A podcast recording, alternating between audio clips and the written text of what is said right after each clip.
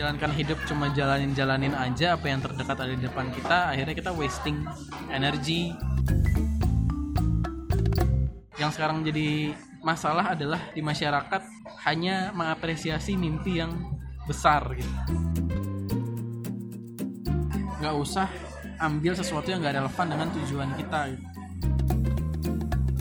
apakah menjadi PNS bisa mengembangkan diri juga? Gimana caranya seorang Andika nih dulu menentukan goals akhirnya? Oke, halo, balik lagi nih di seperempat jalan. Kali ini uh, agak unik karena sebelum memulai podcast, gue udah membuka polling di Instagram dan hasil dari polling ini pada akhirnya akan menjawab, oh ini toh karir pet tuh cara bikinnya gini, cara bentuknya, cara ngedesainnya kayak gini. Dan ya seperti biasa aku tidak akan sendirian. Kali ini dengan seseorang yang bisa dibilang salah satu orang yang paling berpengaruh dalam membentuk Dini yang saat ini Aziz karena gue sering belajar sama dia dulu waktu kita terlibat dalam satu project dan ya ini dia Andika Deni Prasetya halo Andika agak shock. Ya halo teman-teman. Teman-teman. kenalin nama gue Andika. Gue temannya Dini. Dah gitu aja. Udah gitu aja. Oke deh. Oke deh langsung aja deh kalau gitu. Kira-kira dari awal deh definisi karir tuh apa deh kak? Menurut kakak. Ya jadi eh ya sebenarnya pembahasan karir selalu menarik di usia seperempat ini. Asik. Ih makasih usia quarter life crisis itu emang masalah yang umum. Jadi emang dan tapi yang harus selalu diingat adalah masalah ini bukan masalah yang ketika diselesaikan. Tentang identitas kita sebagai siapa di dunia ini akan selalu kita tanyakan sampai kita nanti setuju. mati. Setuju. Gitu kan? Ya bahkan orang-orang yang udah panti jompo yang ada di panti jompo pun banyak masalah-masalah yang ada di mereka adalah mereka kesepian terus mereka ngerasa sedih tentang diri mereka. Padahal mereka ya udah usianya lanjut banget gitu. Hmm. jadi adalah masalah yang akan selalu ada. Awalnya ya pembukaannya awalnya itu dulu ya. Jadinya maksudnya ekspektasi teman-teman terkait sama materi ini jadinya nggak ke mana-mana. Mana-mana, ya. Tuh, bahwa ini bukan solusi tapi cuma mungkin ya tips. Tips tentang tentang karir, Karir. yang mungkin bisa cocok mungkin juga bisa enggak. Hmm, gitulah. Nah terus kemudian kalau bicara soal si karirnya itu sendiri karir ini gue lebih mendefinisikan sebagai intinya kita ini pengen dikenal sebagai siapa pada akhirnya. Dan apa pun yang kita lakukan sekarang harus mengarah ke goal akhir itu. Seperti contoh misalkan kalau tadi Dini mengatakan bahwa Dini oke oke mengatakan boleh boleh. Jadi gini ya simpelnya teman-teman coba jawab ke diri teman-teman sendiri. Ketika nanti saya mati, saya pengen dikenal sebagai siapa? Dikenal nih maksudnya bukan teman-teman famous ya, tapi teman-teman misalkan sama keluarga pun pengen dikenalnya sebagai orang yang seperti apa sih gitu, sebagai siapa. Ya kalau Dini tadi menjawab misalkan orang yang eh, sangat suka belajar gitu kan learning enthusiast dan orang yang suka berbagi dari ilmu yang dipunya.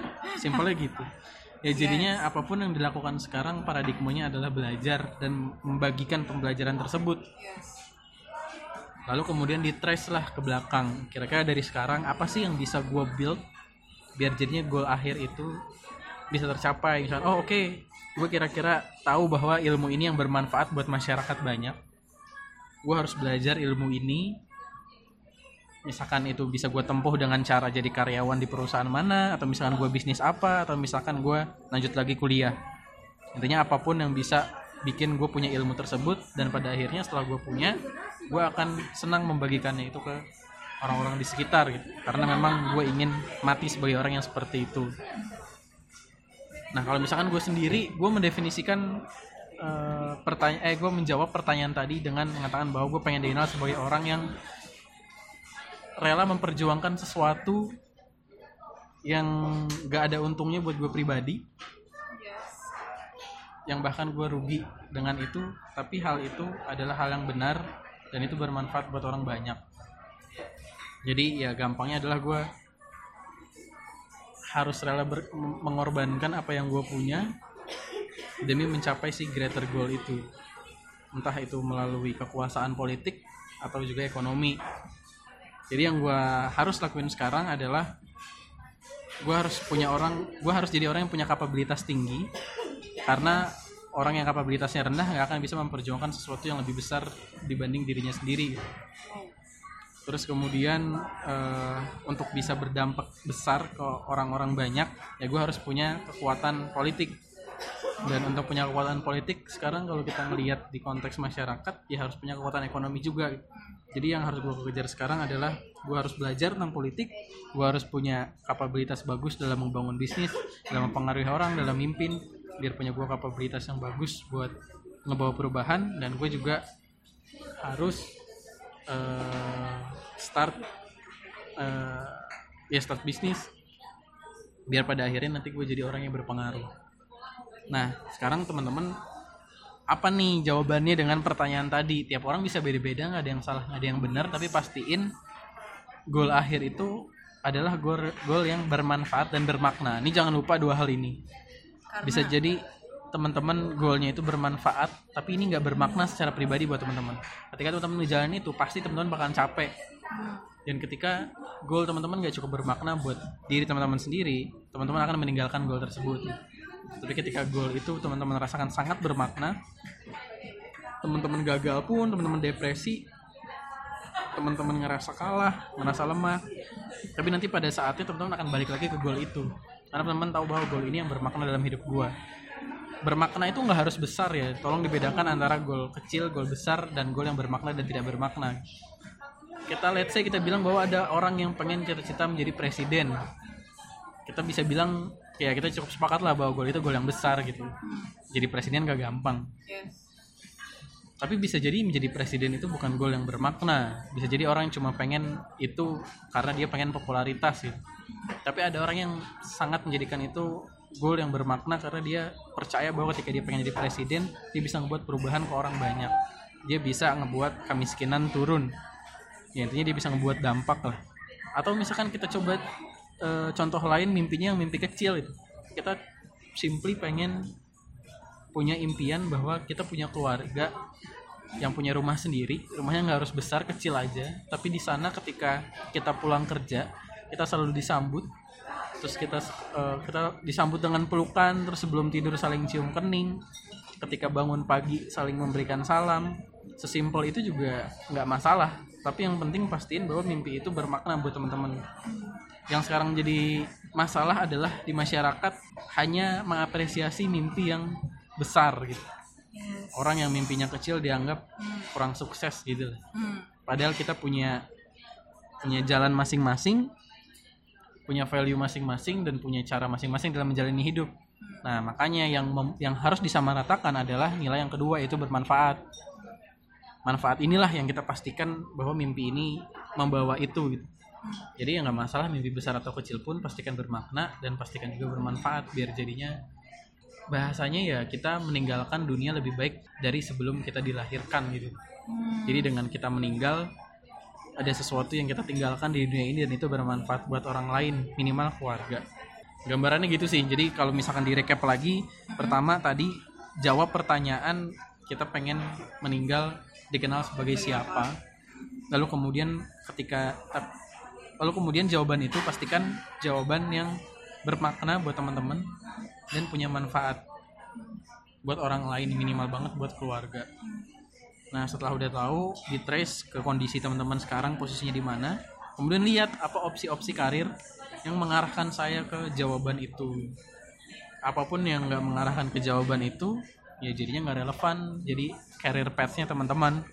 jadi hal-hal yang sebenarnya nggak relevan sama karir path itu oke hindari aja gitu kalau menurut kakak gitu Yes, karena ya ini ada dua kubu ya, ada dua mazhab. Ada yang bilang bahwa ya kita nggak pernah tahu kita akan dibawa ke mana gitu kan ya. Ya sekarang mah masih muda, ambil aja dulu apa pun. Nanti pada akhirnya kita bisa ngedefine sendiri. Tapi kenyataannya yang menarik menurut penelitian pun orang-orang di usia ya itu tadi yang pembukaan di awal orang-orang di usia kerja udah 30 tahun 40 tahun mereka masih bingung karir mereka itu ke mana gitu hmm.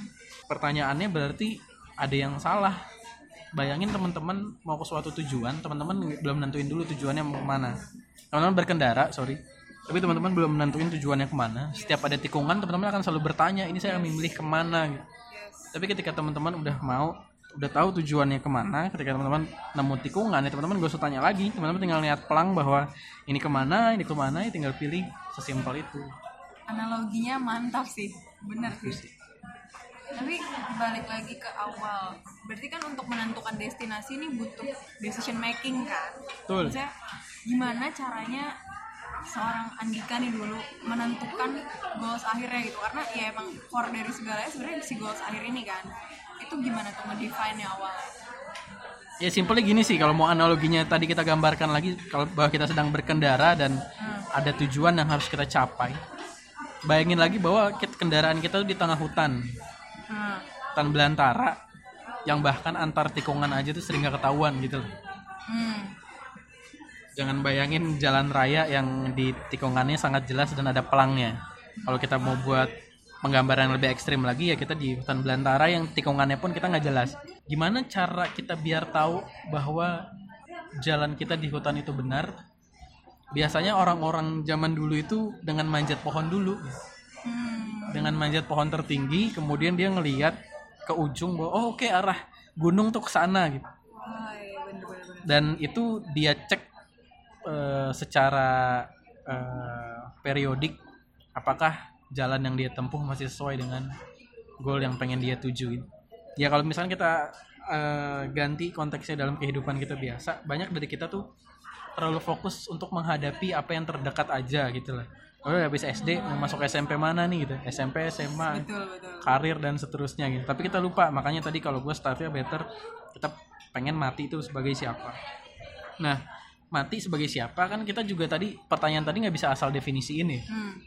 Teman-teman tahu bahwa saya ingin mati seper- eh, sebagai siapa itu bermakna dan bermanfaat setelah teman-teman tahu sebenarnya big picture-nya bahwa oke jawaban inilah yang akan saya ambil gitu.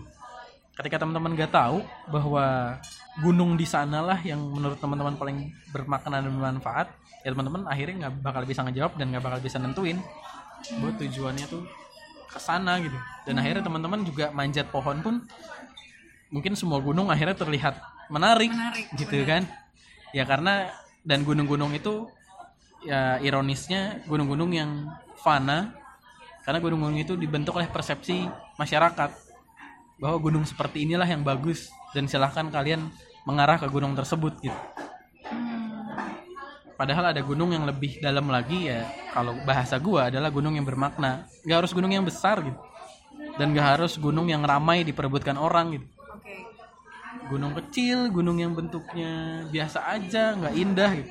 Tapi selama itu kita anggap sebagai bermakna dan kita tahu kita melihat itu dari atas pohon, ya kita cek itu selama perjalanan kita menuju gunung tersebut. menarik Kalau nggak kita bakal terus tersesat sih. menarik berarti dari tadi yang gue lihat highlightnya adalah kadang tuh kita terlalu fokus sama hal-hal yang mungkin dianggap masyarakat baik bagus favorit yang kayak gitu-gitu. Padahal itu adalah bukan kita maksudnya itu bukan sesuatu yang bermakna buat kita gitu. Cuma pada kenyataannya ya begitu. Maksudnya oke kita tadi udah punya goals. Udah kita mencoba untuk mencari hal-hal yang relevan sama goals kita. Cuma kan dalam perjalanannya ada aja nih misalnya opportunity atau ya gunung-gunung lain lah yang lebih indah gitu. Nah itu menurut kakak gimana? Iya, makanya jadinya biasanya eh, orang tertipu dengan gunung-gunung lain selama perjalanan. Ya bukan tertipu ya sebenarnya kalau mau ngeganti gunung nggak masalah juga sih. Tapi kembali lagi ke dua indikator tadi, eh, kebermaknaan dan kebermanfaatan. Selama itu dijadikan indikator, ketika kita menemukan gunung lain yang menurut kita lebih bermakna dan lebih bermanfaat, ya justru bagus dong hmm. nggak ada masalah sama sekali karena mungkin pada saat yang sebelumnya kita memanjat pohon yang nggak terlalu tinggi oh iya terus kemudian pada kesempatan lain kita punya sudut pandang yang lebih luas kita makin dewasa pergaulan kita makin jauh akhirnya kita ngelihat dengan sudut pandang yang lebih luas lagi gitu.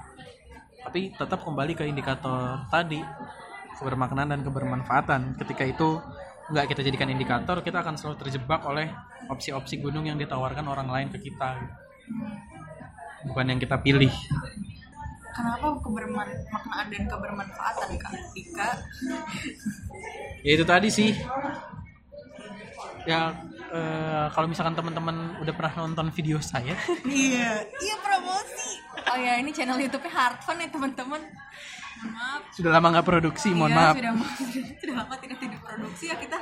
ya jadi yang menarik dari manusia selama ini kan kita pas kecil itu selalu dibilang bahwa yang membedakan manusia dengan hewan tuh akal ya Yes. Oh Yes. iya, ini ada di story-nya juga di highlightnya Hard Fun. padahal enggak yang membedakan kita jadi eh, lumba-lumba simpanse gitu Eh, makhluk-makhluk hewan-hewan ini yang punya struktur otak mirip dengan kita tuh mereka punya akal juga cuma mereka tidak punya kemampuan untuk berbahasa sehingga mereka nggak bisa mengekstraksi ilmu pengetahuan menjadi sesuatu yang terus berkembang jadi ilmunya hanya sampai mereka diajarkan mereka mati nggak ke transfer gitu yang hebat dari manusia kan kita bisa membentuk bahasa dan kita mengkomunikasikan ilmu kita ke generasi yang berikutnya gitu Yes. akhirnya peradaban jadi terus berkembang nah yang membedakan kita dari men- dari hewan itu tuh makna gitu.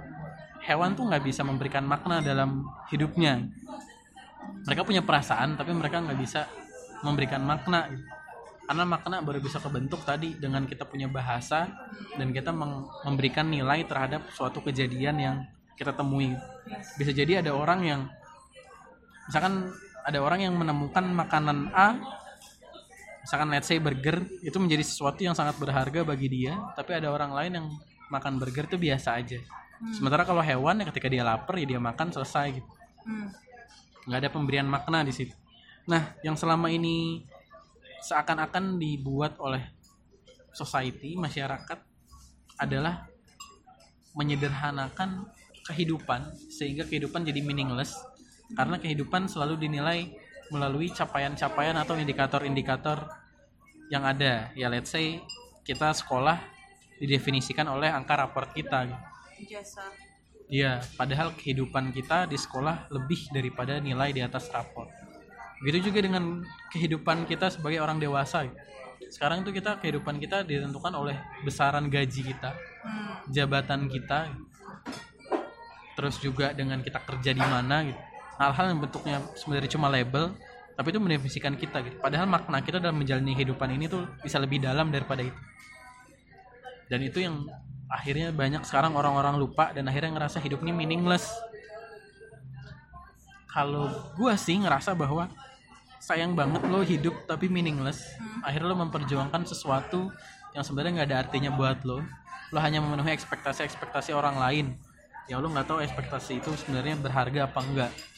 Gua nggak mengatakan bahwa memenuhi ekspektasi itu salah, tapi memenuhi ekspektasi tanpa lo tahu makna di balik ekspektasi itu itu yang salah lo harus dapat nilai bagus lo nggak tahu nih kenapa nilai bagus itu penting kenapa nilai bagus itu bermanfaat buat lo lo nggak tahu lo cuma diminta untuk mendapatkan itu dan lo menjalankannya dengan susah payah ya lo jadinya akan ngerasa terbebani. Dan hal itu akan terus terjadi sampai lo mati. Selama apa pun yang lo lakuin tuh lo nggak tahu maknanya apa dan lo melakukan itu karena ekspektasi orang lain. Tapi ketika lo tahu makna dari sesuatu tanpa orang lain ngasih tahu pun lo akan menjalankan itu. Dan itu sih yang kita kekurangan di dunia ini. Kita punya banyak orang-orang pinter tapi akhirnya karena dia hanya fokus terhadap capaian-capaian akhirnya jadinya brengsek Ya, betul. tapi ketika kita tahu bahwa hidup ini ada sesuatu yang lebih bermakna dibanding capaian-capaian kita nggak akan terlalu peduli sama hal-hal yang sifatnya bisa kita bilang duniawi lah sampai nipu orang sampai ya intinya nggak ngelakuin sesuatu yang merugikan orang lain atau bahkan diri kita sendiri Oke. Jadi kalau gue boleh rangkum, kenapa harus makna dan manfaat? Karena itu hal yang membedakan kita sama binatang. Dan pada akhirnya ketika kita ngejalanin sesuatu yang bermakna dan manfaat, insya Allah gitu ya, kita terhindar dari hal-hal yang sifatnya destruktif. betul dan simpel sebenarnya coba dibayangin solusi untuk menghilangkan keburukan dunia sebenarnya bukan melawan keburukan dengan kebaikan tapi kurangi aja keburukan orang nggak melakukan kebaikan pun kalau orang juga nggak melakukan keburukan dunia akan baik-baik saja Nice, benar sih. iya nggak sih? Iya, gak akan nambah kalau misalnya nggak ditambah. iya. Lo lo nggak perlu jadi orang yang sangat baik. Cukup jadi orang yang tidak berbuat buruk. Bayangin semua orang tuh melakukan itu gitu. Yes, dunia akan menjadi tempat yang sangat baik-baik saja gitu. betul betul. setuju setuju setuju. Lo tahu bahwa kebut-kebutan di jalan itu ngeganggu orang lain ya jangan lakuin itu. Lo nggak perlu jadi pengendara yang sangat sopan dan baik selalu ngasih orang jalan dan lain-lain nggak perlu gitu. Tapi lo cukup melakukan sesuatu yang tidak merugikan orang lain. Jalan sebenarnya lancar udah udah enak gitu kan. Nggak serabut robot ya kan? Betul nggak asal ngetem segala macam. Kayak berarti kalau gue rangkum ya dari awal tadi cara kalau versi lo gitu karir path itu menentukannya oke set goals utama goals akhir ya. Goals akhir dan pada jalannya hindari hal-hal yang gak relevan sama goals akhir itu. Dan gimana cara menentukan goals akhir itu? Intinya carilah hal-hal yang bermanfaat dan bermakna. Yes. Terus juga yang menarik sebenarnya teman-teman pasti pernah eh pasti kenal lah sama orang-orang yang kalian tahu sangat pintar hmm. banyak capaian. Tapi terus kayaknya kalau kita ngelihat hidup dia tuh sibuk banget gitu kita ngelihatnya capek aja gitu Hmm. atau juga orang-orang yang kelihatan sangat cerdas tapi kok masih linglung nih terhadap tujuan hidupnya gitu maksudnya bisa kita bilang bahwa jika hidup ada garis start dan garis finish Hmm. tapi ada banyak jalan Hmm. dia ini sangat cepat untuk mencapai ke dekat garis finish Hmm. Tapi ketika dekat garis finish dia bisa balik lagi dan milih jalan lain dan begitu seterusnya Hmm. karena dia nggak benar-benar tahu tujuan dia ke mana gitu jadi ketika kita menjalankan hidup cuma jalanin jalanin aja apa yang terdekat ada di depan kita akhirnya kita wasting energi kita wasting usia kita kita wasting tenaga kita uang kita macam-macam tuh akhirnya terbuang gitu. Nah, jadi tadi tuh gue juga sempat uh, buka semacam pertanyaan sih. Kayak apa sih yang mau ditanyain kalau misalnya lo dihadapkan sama orang yang udah lebih berpengalaman gitu soal karir path nih. Jadi kayak Heeh. ada orang yang nanya gimana sih supaya caranya kita lebih maju dari tahun-tahun pertanyaan pertama terus aku tanya ini in terms of apa nih? Posisi atau knowledge atau apa? Gitu. Terus kata dia ya entah itu posisi atau jabatan atau dari segi knowledge gitu. Dari sudut pandang esensialis deh gimana nih? Gimana mastiin? Eh gim- bukan pasti gimana caranya biar lebih maju dari tahun ke tahun. I- ibaratnya nambah speed dan velocity mungkin. Iya. Ya bagus pertanyaannya. Jadi kalau gue pribadi menerapkan tiap bulan itu gue selalu nanya ke orang-orang yang jadi rekan kerja gue. wow Feedback dong gue personal. eh tiap bulan tuh Apa yang masih kurang? oke Itu biar gue bisa belajar. Itu yang pertama. Jadi kita selalu diingatkan lah. Hal-hal apa aja yang masih kurang dari diri kita. Terus kemudian kalau itu kan biar kita jadi selalu ngevaluasi. hmm. Tapi kembali lagi yang penting juga adalah gimana biar kita selalu maju tapi maju ke arah yang benar gitu kan Hmm. ya makanya kembali lagi ketika hal yang pertama tadi belum di define Hmm. teman-teman akan maju tapi maju ke arah yang nggak jelas tapi ketika teman-teman maju teman-teman pun minta feedback teman-teman akan fokus minta feedback terkait hal yang emang relevan sama tujuan utama iya tujuan utamanya teman-teman gitu berarti balik lagi berarti tujuan itu sepenting itu ya Iya, tujuan selalu menjadi dasar karena jadinya ya itu kuncian kita lah. Bayangin teman-teman ya itu tadi mau perjalanan tapi nggak tahu tujuannya akhirnya teman-teman sangat amat banyak wasting. tapi kalau sendiri ngerasa si feedback bulanan itu jadi sangat bermanfaat gak sih atau justru kadang overwhelmed dengan banyak feedback Nah, iya itu juga yang menarik. Jadi ketika kita minta feedback kita juga har- harus siap dalam Siap, mempersiapkan benar. diri. Bahwa ya makanya jadi kita memposisikan ya kembali lagi sih gini. Kalau misalkan tujuan utama kita adalah pengen menjadi orang nomor satu, hmm. dengan di feedback tuh kita jadinya ngerasa bahwa kita salah, kita kalah dan kita nggak cukup baik untuk menjadi orang nomor satu. Jadinya feedback merasa menyakitkan. Hmm. Tapi ketika teman-teman emang fokusnya adalah gue pengen jadi orang yang punya kapabilitas bagus gitu kan. Dalam memberikan manfaat ya apa pun yang mengarah ke sana teman-teman bakalan terima gitu. karena itu relevan buat impian teman-teman. Dan impian itu lebih berarti daripada diri teman-teman sendiri. Gitu. jadinya ya itu yang melindungi kita juga. Biar kita jadinya nggak baper ketika orang nge-feedback. Feedback kita gitu. Balik lagi ya. Tapi pasti sih gua nggak bilang bahwa itu akan menghilangkan baper sama sekali gitu. Ya tiap orang punya perasaannya masing-masing lah. Beda-beda. Tergantung kita nyikapinnya ya. Oke lanjut ke pertanyaan selanjutnya nih. Apakah menjadi PNS bisa mengembangkan diri juga? Bisa bisa. Jadi makanya gini mau sesempit apa kita mendefine karir gitu. Ketika karir kita definisikan sebagai pekerjaan maka PNS menjadi pekerjaan yang seakan-akan sangat tidak memungkinkan kita untuk wah, apa tadi bahasanya? Mengembangkan diri. Mengembangkan diri gitulah. Karena kita akhirnya jadi masuk ke sistem kerjaannya cuma begitu-begitu aja terima terima eh, apa arahan dari atasan harus dilakuin eh, begitu terus lah. Tapi kalau kita mendefine karir lebih luas seperti tadi kita mendefine karir yaitu sebagai kita pengen dikenal sebagai siapa maka menjadi PNS menjadi tempat yang menurut gua sangat besar untuk kita berkembang let's say lo pengen dikenal sebagai orang yang mengubah sistem refor eh, sistem birokrasi di suatu kementerian. Ya dengan menjadi PNS di kementerian itu peluang lo untuk mengembangkan diri dan punya kapabilitas untuk mengubah area itu ya justru jadi sangat besar gitu.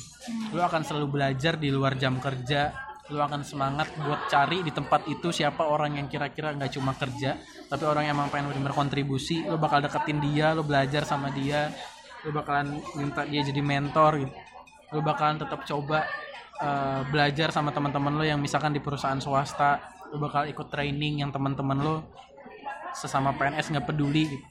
kembali lagi akhirnya apa goal lu tempat lu di sana itu akan selalu menjadi peluang lu buat belajar berkembang dan akhirnya berkontribusi gitu. selama goalnya jelas tapi kalau goal lu cuma pengen aman goal lu pengen cuma dapat kerjaan pengen terus lu jadi PNS gitu ya PNS akan menjadi tempat yang sangat tidak mengembangkan diri lu Oke, berarti depend sama goals lo ya.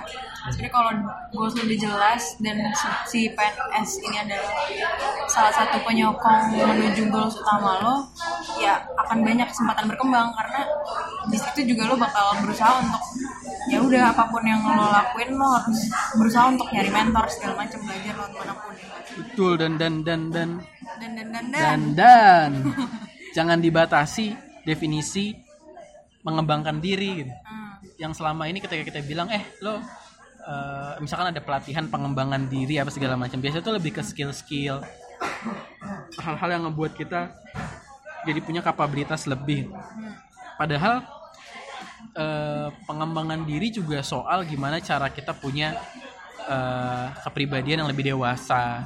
Cara kita bisa lebih mengapresiasi hidup. Cara kita bisa lebih bersyukur. Itu juga pengembangan diri.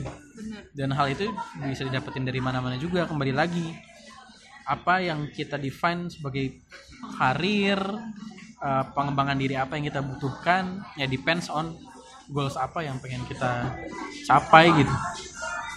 Nice. Duh, gue dari tadi speechless mulu nih.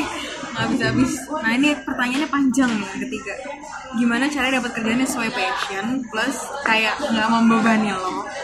Jadi intinya dia lagi lagi sama-sama sam- sambil kuliah sambil kerja karena ekstensi lah something. Terus dia bilang gimana caranya supaya dapat kerjaan yang sesuai passion dan nggak membebani lo udah nih dia pengen nyari pekerjaan full time tapi uh, dia nggak merasa passionate karena dia nggak ngerasa dibayar dengan cukup dan jadinya malah bingung. Oh, sama. Oh sama.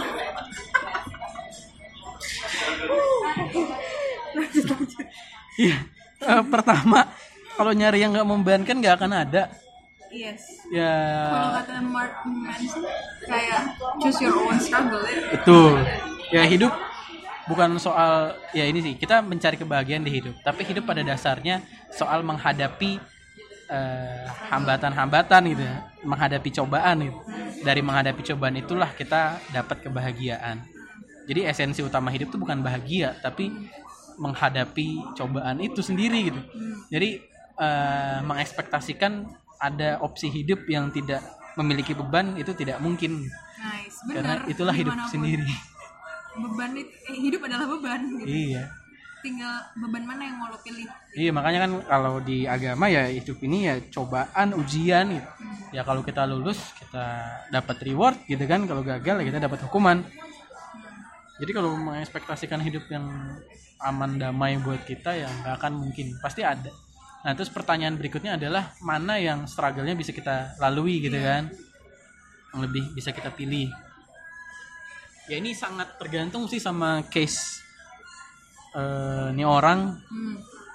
kalau case lo adalah lo lagi bener-bener butuh uang buat tetap bayar kuliah ya mau nggak mau lo kan tetap harus kerja gitu Hmm. ya lo bisa sambil nyari tempat lain yang kira-kira mungkin gajinya lebih layak buat lo tapi jangan langsung dilepas yang sekarang karena berisiko nanti lo malah nggak lanjut kuliah gitu.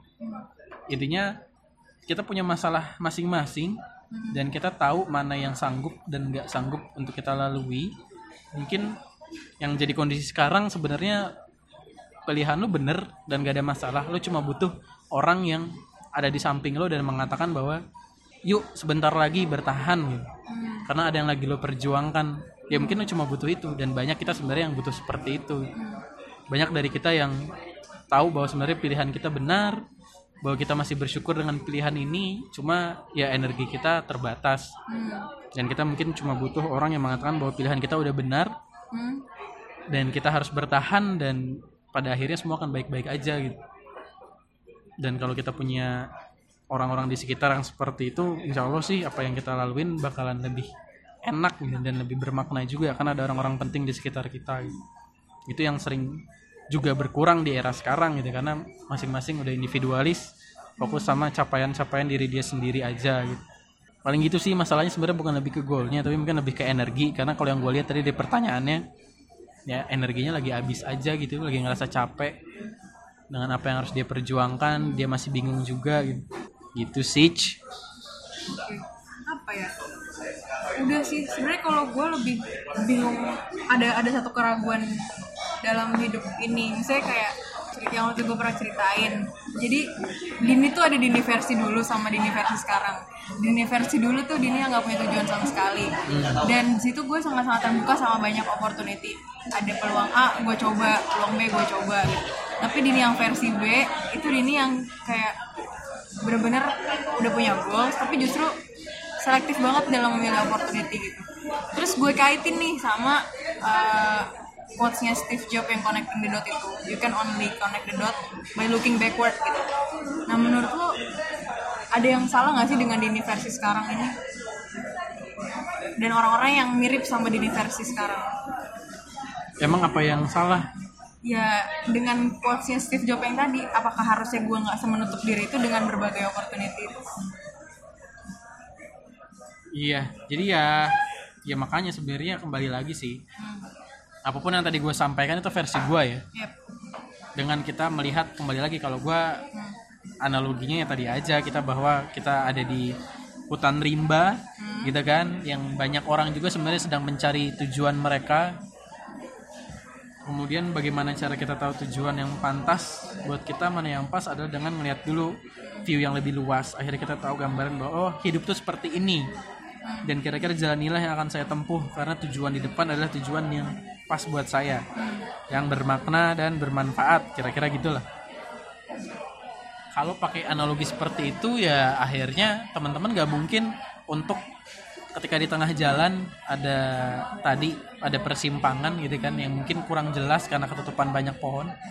Teman-teman asal ambil dan terus kemudian ketika ngelihat lagi ke atas pohon teman-teman lihat bahwa jalur itu tuh menjauh dari gunung yang udah teman-teman tentukan gitu.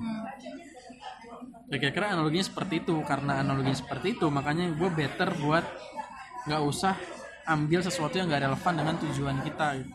karena itu wasting energy wasting time wasting your life. Simpelnya gitulah. Tapi kalau misalkan filosofi teman-teman adalah ya udah hidup di hutan rimba ini sudah cukup menyenangkan ya silahkan teman-teman silahkan explore tuh hutan rimba tanpa punya tujuan juga nggak masalah gitu. selama teman-teman menganggap itu sebagai hidup yang bermakna ya. Dan teman-teman ngerasa itu bermanfaat ya kembali lagi silahkan gitu. Tapi kan sekarang hidup bukan cuma soal hidup gitu kan? Ya itu tadi. Kalau gue sih membandingkan antara kenapa ya diri gue harus berbeda dengan hewan gitu. Apa yang membuat diri gue berbeda? Ketika gue hidup cuma hidup menurut gue akhirnya label manusia tuh dirinya nggak relevan sama diri kita gitu. Hmm, kalau hidup sekedar hidup. iya. Karena? Ya karena secara taksonomi pun sampai ke kingdomnya kan kita sama aja sama hewan gitu. Tapi apa yang benar-benar membedakan kita? Ya ya kalau versi gue sih makna itu. Jadi itu satu-satunya hal yang harus gue perjuangkan. Dan makna menurut gue nggak gue dapatkan dengan hidup cuma hidup betul. Oke deh. Kalau gitu ada closing statement gak nih? Closing statement dari podcast kali. eh Siap-siap merinding nih closing statement dari Andika. quotes quotesnya udah habis coba deh teman-teman lihat gue berani yakin dan berani jamin orang-orang yang akhirnya berpengaruh punya capaian hebat diingat sama orang lain bermanfaat berhasil mengubah dunia. Adalah orang-orang yang punya impian yang sangat besar yang sampai orang-orang lain yang ngedengarnya itu tuh cukup percaya untuk mau bersama memperjuangkan impian tersebut. Let's say Mandela let's say uh, Malala terus let's say juga uh, Samuel eh Samuel. Siapa? Uh, Martin JR Luther King. Martin Luther King Junior. Terus let's say juga uh, siapa yang tokoh Buddha? Mahatma Gandhi. Lalu let's say tokoh-tokoh agama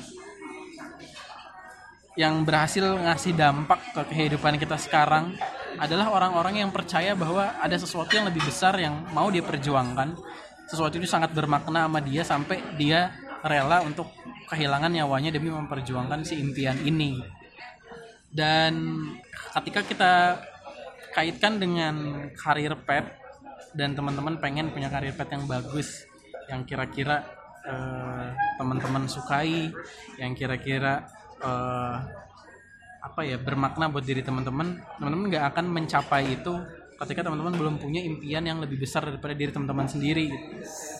Impian yang ngebuat ya apa pun yang teman-teman lakukan tuh ngacunya ke sana gitu bahwa bahwa hidup saya nggak lebih berarti daripada impian saya ini dan ketika teman-teman punya ini tapi kembali ya si yang bermakna ini impian yang takutnya ketuker sorry maknanya besar ya bukan impiannya besar Hmm. Beda. ya jadi orang-orang yang uh, misalkan contoh Mahatma Gandhi kan sebenarnya dia bukan tokoh penggerak. Dia hanya orang yang sangat mencintai kedamaian. Dan ketika ada kericuhan di sana dia tahu bahwa perdamaian itu lebih ada ya sangat sesuatu yang sangat berarti gitu. Sesuatu yang sangat bermakna buat dia. Dan kemudian dia muncul di situ sebagai tokoh yang mencoba untuk mengupayakan perdamaian. Karena perdamaian itu sesuatu yang ya menurut dia bermakna. Tapi kan sebelumnya Gandhi ini bukan seseorang yang paling berpengaruh di situ tuh enggak gitu. Jadi maksudnya dia bukan orang besar dan bukan orang yang punya impian yang besar juga pengen jadi pemimpin gitu enggak. Dia punya impian yang sangat bermakna dan maknanya sangat besar buat dia. Akhirnya dia berani turun gitu. Hmm. untuk muncul gitu. Atau let's say juga eh, coba teman-teman bayangin nulis buku tuh impian yang besar gak sih ya let's say buat sebagian orang itu besar lah. Tapi secara umum sebenarnya nulis buku tuh sesuatu yang ya biasa aja lah. Tapi bayangin teman-teman kalau tetap nulis buku tapi di dalam penjara. Karena teman-teman tahu dari buku inilah teman-teman bisa tetap berpikir dan mengkomunikasikan pikiran teman-teman tentang perubahan yang teman-teman pengen lakukan di masyarakat. Nah, itulah yang dilakukan oleh si Mandela dan Muhammad Hatta ketika dia di penjara. Nah, ya hal-hal seperti itulah yang akan ngebantu kita masyarakat untuk jadi masyarakat yang lebih baik lagi. Kita meninggalkan dunia ini lebih baik daripada sebelum kita dilahirkan adalah orang-orang yang punya impian yang bermakna sangat besar bagi dirinya sendiri. Karena dengan makna inilah kita jadi punya tenaga, kita jadi terus bisa mengupayain sesuatu, kita bahkan terus nyari jalan apa pun selama biar impian ini terwujud gitu. Jadi selama case soal makna ini belum kita temukan dalam hidup kita percaya deh kita pasti akan selalu menanyakan tentang kira-kira hidup ini baiknya ke mana dan kita akan sering mengeluh ketika kita mendapatkan cobaan di kehidupan ini. Karena kita melihat cobaan ini adalah sesuatu yang lebih besar dibanding diri kita sendiri. Dan bagaimana bi- biar kita bisa memprotek itu adalah dengan kita punya impian yang lebih besar impian yang dengan makna yang lebih besar. daripada diri kita sendiri. Gitu lah. Misalkan menurut kita keluarga adalah sesuatu yang lebih besar maknanya dibanding diri kita sendiri ya itu udah sangat bagus. Tapi ada orang yang mungkin menurut dia hal yang paling bermakna itu adalah dengan menjadi eh, founder startup gitu kan yang perusahaan yang multinasional ya silahkan juga gitu. ya macam-macam lah. Jadi bukan soal besar kecilnya mimpi tapi soal seberapa besar maknanya. Impian itu bagi diri kita sendiri. Itu yang abstrak tapi penting dan susah juga gitu nggak ada guidance-nya. Iya nggak ada guidance dan nggak ada ukuran yang sama rata antara satu orang dengan satu orang lain.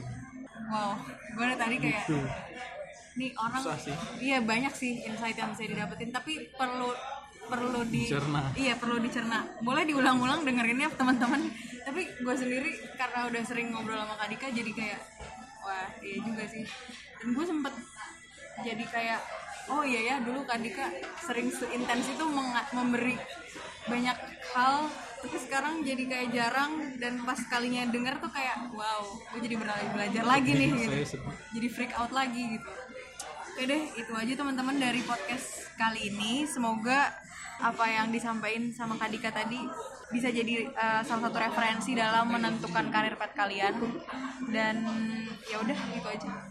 Bye bye. See you in the next episode.